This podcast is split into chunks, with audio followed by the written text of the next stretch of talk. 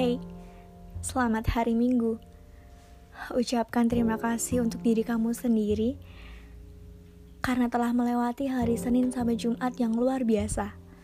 Untuk setiap peluh dan keluh, untuk setiap langkah yang dijalani, dan setiap masalah yang dilalui. Terima kasih. Dan saat ini, untuk akhir pekan ini, kamu bisa mengecas energi kamu dengan beberapa hal yang kamu senangi dengan diri kamu sendiri atau mungkin dengan orang-orang yang kamu sayangi. Tapi setelah ini, kita akan melalui hal baru lagi untuk memulai hari Senin yang pasti buat kita jadi berpikir lebih keras lagi. Karena kita harus memulainya dengan tugas-tugas yang kita harus lalui, dengan pekerjaan-pekerjaan kita, dan setiap hal yang bikin kita khawatir. Sebenarnya banyak hal ya yang bikin kita khawatir. Gak cuman karena besok gimana ya, tapi juga beberapa hal. Kekhawatiran akan kehidupan, akan masa depan, kekhawatiran akan jodoh kita siapa ya, kekhawatiran akan ini baik nggak ya buat dijalani? Besok lulus nggak ya? Atau bakal gagal lagi? Dan banyak hal yang bikin kita ngerasa bahwa itu adalah hal sulit yang perlu kita pikirkan.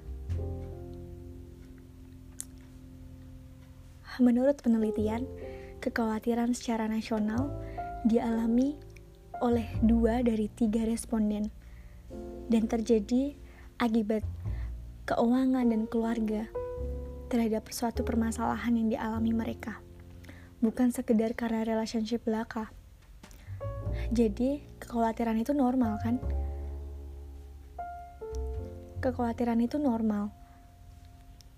Ketika kita berpikir bahwa itu memang harus difikirkan tapi ada usaha di mana kita harus ngejalanin dari rasa khawatir itu sendiri.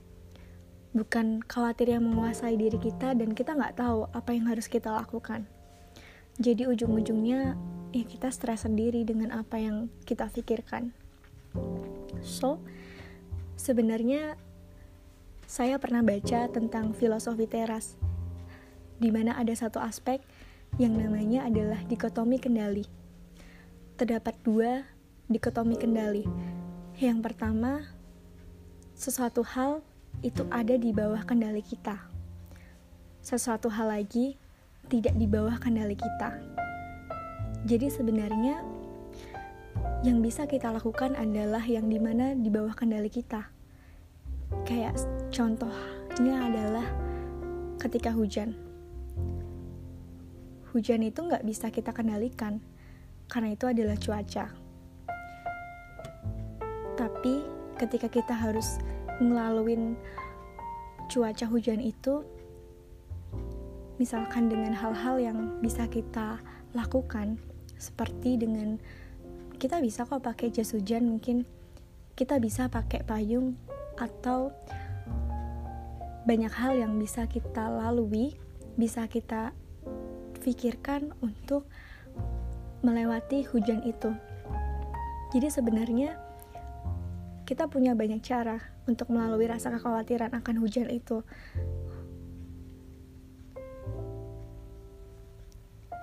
Dan sebenarnya seperti ada yang berkata dari Henseli, bukan stres yang membunuh kita, tapi reaksi kita terhadap stres itu sendiri yang bikin kita jadi ya di situ-situ aja karena stres itu sendiri kan karena banyak hal yang kita pikirkan menguasai diri kita dan gak selesai dengan permasalahan yang kita pikirkan.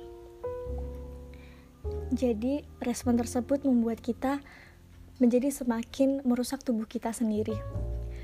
Karena sebenarnya ketika kita berpikir hal-hal yang di luar dari kendali kita, itu akan merusak dari tubuh kita sendiri. Jadi, itu adalah satu hal yang berhubungan, saling berhubungan. Ketika respon adrenalin kita meningkat, pasti tekanan darah kita juga semakin meningkat.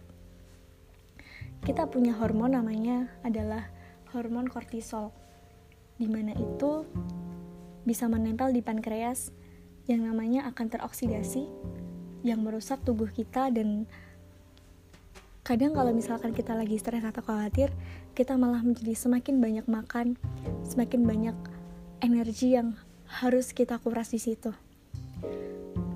Itu yang membuat hormon dari kortisol itu jadi meningkat. So, bagaimana sih cara untuk bagaimana kita bisa tidak terlalu khawatir? Atau bahkan untuk mengurangi kekhawatiran itu yang menjadikan kita tertekan.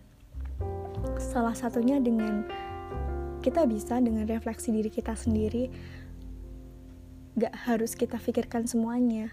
Satu-satu kita pikirkan. Tapi kita punya planning 1, 2, dan 3 yang bisa kita laksanakan nantinya. Toh misalkan planning 1, 2, 3 nggak akan terwujud, kita tahu bahwa di filosofi teras ada yang di bawah kendali kita dan tidak di bawah kendali kita. Jadi itu adalah sudah usaha kita. Selebihnya itu tidak di bawah kendali kita.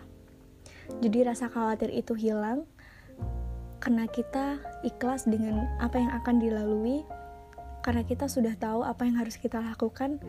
Selebihnya itu bukan di bawah kendali kita. Selamat mengencas energi. Selamat mulai hari baru dengan semangat baru, dengan orang-orang yang kamu sayangi, dan terima kasih sudah mau mendengarkan podcast ini. Semangat!